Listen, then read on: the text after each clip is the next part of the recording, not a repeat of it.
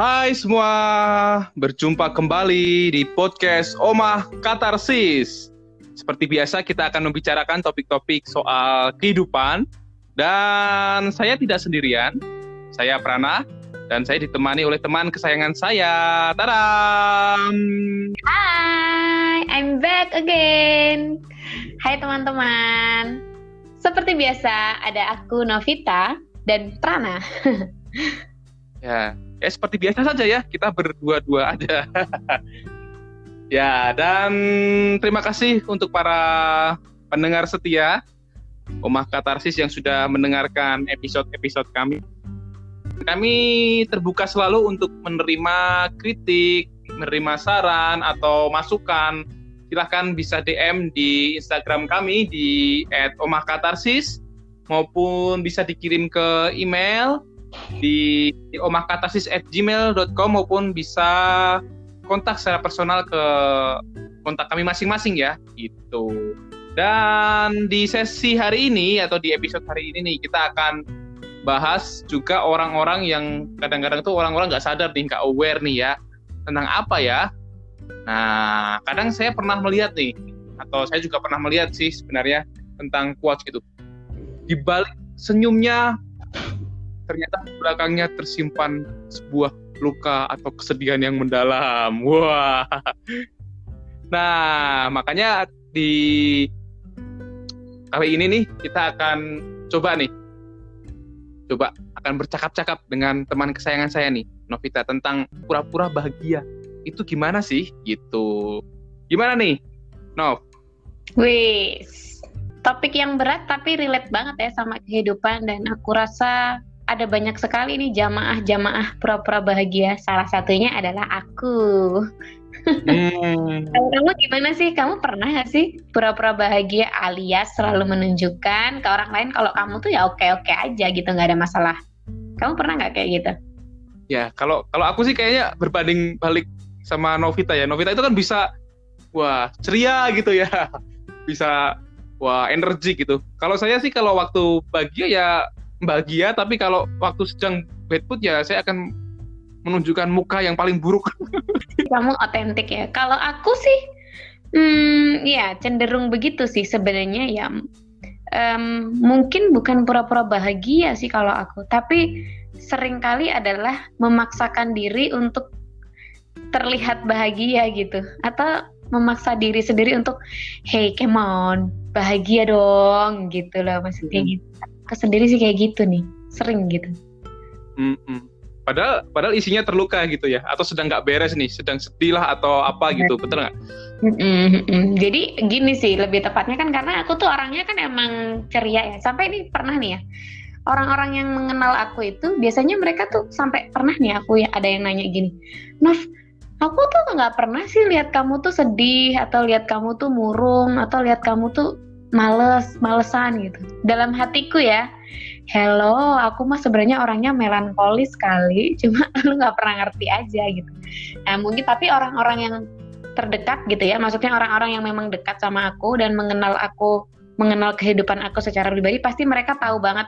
Maksudnya ketika aku lagi down, lagi galau, lagi sedih. Cuma memang kalau untuk orang-orang yang nggak mengenal aku dekat mereka akan selalu melihat bahwa aku tuh Novita yang selalu energik gitu ya selalu ceria gitu selalu tersenyum gitu. Nggak pernah ngelihat aku lagi sedih gitu. Hmm. Itu tuh buka rahasia. Iya. Nah tapi Iya, nah dan ini tuh nggak bagus ya gitu. Maksudnya um, belakangan aku sadar bahwa ini tuh sesuatu yang nggak bagus teman-teman. Jadi jangan ditiru ya. Ini jadi aku aku bercerita ini karena because I know that this is not good gitu ya. Jadi uh, jangan ditiru gitu. Meskipun mungkin banyak juga sih teman-teman yang kayak gitu gitu. Nah sekarang ini aku sedang berada atau sedang berproses, sedang berada di tahap untuk menjadi diri yang lebih otentik. Maksudnya ya ketika aku sedih, aku merasakan sedih. Ketika aku marah, ya aku merasakan marah. Jadi aku tidak merepress, tidak menekan, tidak mendenial um, sedihnya rasa-rasa itu. Jadi tidak pura-pura bahagia. Tapi masih proses hmm. ya, jadi berkata sih selalu ya. ya, benar. Nah, kata uh, omah katarsis ini salah satu cara aku untuk menjadi diri lebih otentik sebenarnya gitu. Hmm. Ya, jadi termasuk topik ini ya. Ini kan keinginan dari Novita nih sebenarnya untuk berkartasis bersama. Mengungkar Ya. kartu ya. Iya, ya kita kan katarsis terbuka apa adanya. Iya. Dan itu berbanding balik loh sama aku loh. Gitu. Kalau gimana kalau kamu Pran? Kalau aku berusaha ya ya udah kayak gini gitu loh. Gak bisa menutupi kalau waktu bercanda misalnya bercanda memang lucu banget ya aku tertawa gitu loh. Atau waktu lagi semangat gitu ya aku semangat gitu. Tapi kalau sedang moodnya lagi nggak enak atau lagi sedang eh, ada beban berat, lagi stres gitu ya mungkin orang akan lihat ini orang serius banget sih gitu. Udah Mhm. matanya matanya mencereng mencereng tuh apa ya? Kadang mengeri, mengenyeritkan mengeringitkan dahi gitu kan ya. Lalu nanti tangan itu diletakkan di dagu. Cuma melamun gitu. Nah, itu kadang-kadang kadang gitu ya. Mungkin itu perbedaan gitu ya. Selalu menampilkan apa adanya tapi juga kadang-kadang kenapa sih orang eh, nggak mau tampil apa adanya itu mungkin karena takut bener nggak sih takut dianggap orang ini kenapa sih orang kok aneh gitu kenapa sih kok orang sedih banget bener nggak Em, mungkin sih lebih ke ini ya, karena kan setiap orang itu beda-beda ya peran. Maksudnya ada orang Hmm. yang ingin eh, terlihat baik-baik saja gitu. Maksudnya nggak ingin orang lain itu tahu bagian-bagian dia yang seperti itu. Dia ingin orang lain tuh melihat dia ya yang baiknya aja gitu. Maksudnya nggak mau membebani orang lain kayak gitu ya. Kalau aku, Mm-mm. Kalau aku lebih ke, nah ini ini juga ada rentetannya dengan topik-topik yang kita bahas sebelumnya ya. Mesti punya kecenderungan untuk eh, tampil baik, oke gitu. Jadi kayak yang harus harus harus gitu. Jadi kayaknya kalau wah Ya. jadi eh, sedih ya yang udah kamu aja yang tahu sedih kalau kamu nangis ya udah kamu aja yang tahu nangis gitu orang lain nggak perlu tahu gitu di depan orang lain tuh kamu adalah sosok yang tegar yang as always cheerful gitu jadi kayak mungkin itu tergantung nilai-nilai orang ya jadi maksud maksudku beda-beda sih tiap orang kenapa dia pura-pura bahagia atau bisa jadi ya itu sebenarnya tapi sebenarnya gini nih kalau kita melihat pura-pura bahagia ini nggak bagus karena pura-pura bahagia ini sama saja dengan membohongi diri sendiri. Dan eh, membohongi diri sendiri itu eh, lebih nggak bagus lagi daripada membohongi orang lain gitu ya. Mhm. dan pada saat kamu membo- membohongi diri sendiri sebenarnya kamu juga membohongi orang lain dong kalau begitu kan Iya, betul, betul. Hmm. Dan tapi aku juga berpikir gini sih. Kadang-kadang kan orang itu kan harus ini ya. Dia juga punya ekspektasi ke orang lain gitu, bener nggak? Orang itu harus oke, harus ceria. Kalau orang sinis mukanya gitu, Mm-mm. ngapain sih gitu? Pasti ya gitu ya. Jadinya orang selalu menampilkan hal-hal yang ya pokoknya yang ceria lah, yang eh, ekspresif, energik gitu. Nah, sebenarnya kalau kita paksa terus-menerus kayak gitu nih, apakah itu membuat kita lelah, capek, atau B aja, atau gimana nih? Nah, sebenarnya ya kalau eh, dilanjutkan terus-menerus nih pura-pura bahagia, itu sebenarnya akan bisa membuat eh, menjadi merasa tertekan dan ujung-ujungnya bisa depresi gitu. Dan itu aku mengalami gitu. Maksudnya eh, karena ingin selalu tampil oke, tampil baik, tampil cheerful, bahagia gitu ya, akhirnya menekan banyak hal gitu. Sampai terlalu banyak menekan sampai akhirnya tuh sampai nggak mengenali diri sendiri tau nggak? jadi kayak kehilangan diri sendiri gitu the real me-nya tuh yang mana sebenarnya gitu. Nah itu jadi nggak bagus. Nah tapi gini teman-teman. Bukan berarti terus oh, oke aku mau jadi otentik nggak mau pura-pura bahagia. Terus tapi kalau misalnya sama orang lain nunjukin terus mukanya cembetut marah-marah nangis langsung nangis bombay di depan umum nggak gitu juga. Maksudnya ya kita tetap mesti menempatkan diri dengan proper ya di mana pun di lingkungan kerja di lingkungan sosial tetap menempatkan diri. Tapi artinya maksudnya mungkin di sini tidak perlu mendenial gitu loh tidak perlu menghindari rasa itu. Mesti ketika kamu lagi eh, sedih ya udah oke sedih. Ya mungkin kamu bisa masuk ke ruanganmu dan mungkin kamu bisa menangis atau mungkin bisa ke toilet gitu ya. Jadi uh, maksudku adalah uh, bukan merepress perasaan itu, tapi memang perasaan itu mesti dirasakan dan diakui gitu. Karena kalau ditekan terus itu ya menjadi semakin tertekan dan bisa berujung ke depresi gitu. Hmm, berarti artinya sangat lelah ya, capek ya sebenarnya ya kalau kita berusaha pakai face yang bukan real dari kita gitu ya. Uh, uh, mungkin bukan face ya Pran. Kalau kita ngomongin topeng kan sebenarnya ya memang kita memang mesti menggunakan itu tepat pada waktunya kan nggak mungkin dong kita hmm. atasan kita terus tiba-tiba di depan dia kita nangis wah aku hmm. Hmm.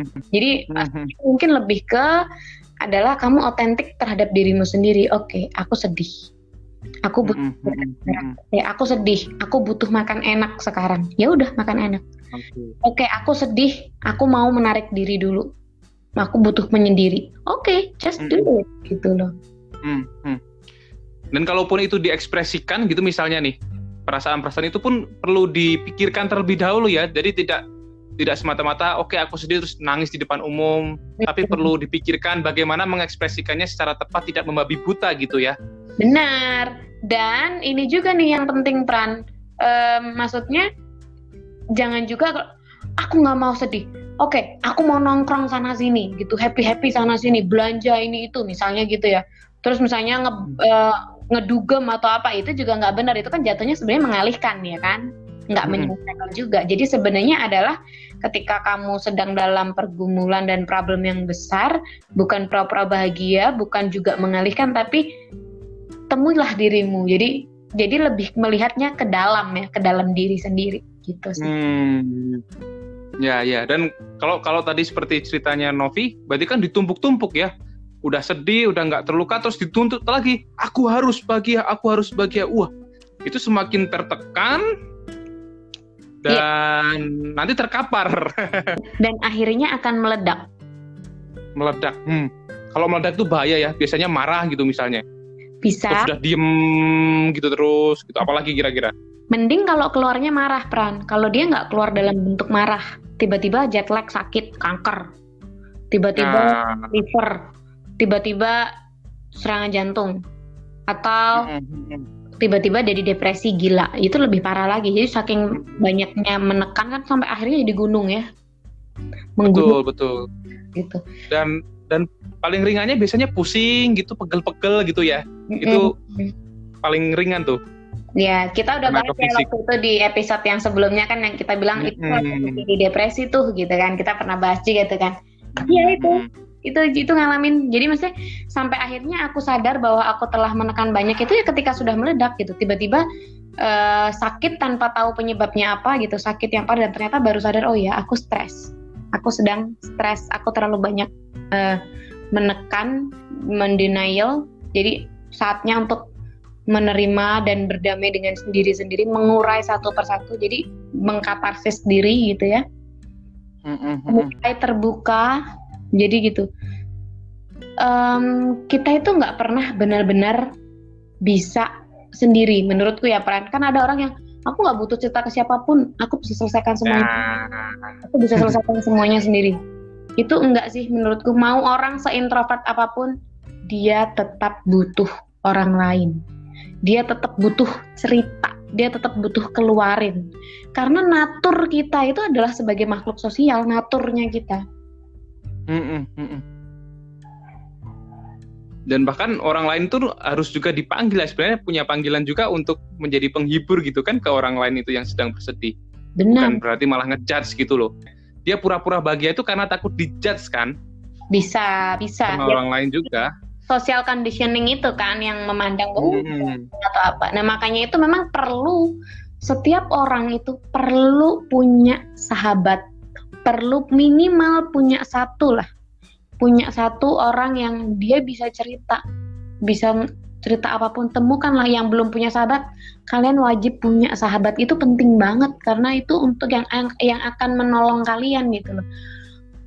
Um, kalau ada orang aku punya pacar pacarmu tapi kan kalau pacar iya kalau pacarmu tuh bisa mampu jadi sahabatmu gitu. Belum tentu kadang ya kalau hmm, kamu hmm. sama pacarmu kamu ceritanya ke siapa kan gitu Jadi hmm, hmm. perlu banget sih punya sahabat dan ini menurutku penting banget. Jadi waktu ketika aku memiliki hubungan, maksudnya ketika aku sedang dalam masalah besar dan aku sedang juga hubunganku dengan sahabatku nggak baik gitu ya, itu yang membuat aku semakin stres karena aku tidak punya tempat untuk aku mengeluarkan. Aku benar-benar pendam sendiri uh, untuk diriku sendiri itu, waduh, rasanya ya seperti itu lah gitu. Jadi memang penting banget punya sahabat. Jadi ya tadi ya selain berkatarsis untuk kembali apa mengeluarkan satu persatu, merilis satu persatu, kita juga perlu punya orang yang kita percaya untuk kita bisa share gitu apa yang menjadi bebannya kita. Hmm, ya. Dan untuk supaya nggak pura-pura nih bahagianya, supaya menjadi orang yang otentik ini nampaknya perlu juga latihan ya berlatih ya. Benar, iya pasti. Aku masih sampai sekarang masih berlatih terus. Nah, jadi teman-teman, ini udah berapa ya? Sekitar um, jalan dua bulan, aku mulai praktek meditasi. Jadi aku tuh belum pernah seumur hidupku bermeditasi. Jadi mulai dua bulan ini tuh aku mulai jalanin meditasi. Ya belum meditasi yang ini banget sih, yang mahir. Jadi cuma oke okay, 10 menit ketika bangun tidur, dan 10 menit sebelum tidur gitu. Tapi rutin gitu setiap hari. Pokoknya apa pun yang terjadi rutin gitu. Pernah sih bolong juga gitu ya. Namanya juga masih proses ya. Tapi aku mengupayakan every day gitu rutin. Karena supaya menjadi lifestyle dan itu tuh kayak membantu untuk lebih aware gitu dengan sekeliling, lebih aware dengan diri sendiri, lebih here and now gitu. Jadi memang melakukan uh, aktif uh, exercise maksudnya latihan latihan itu tuh memang perlu gitu.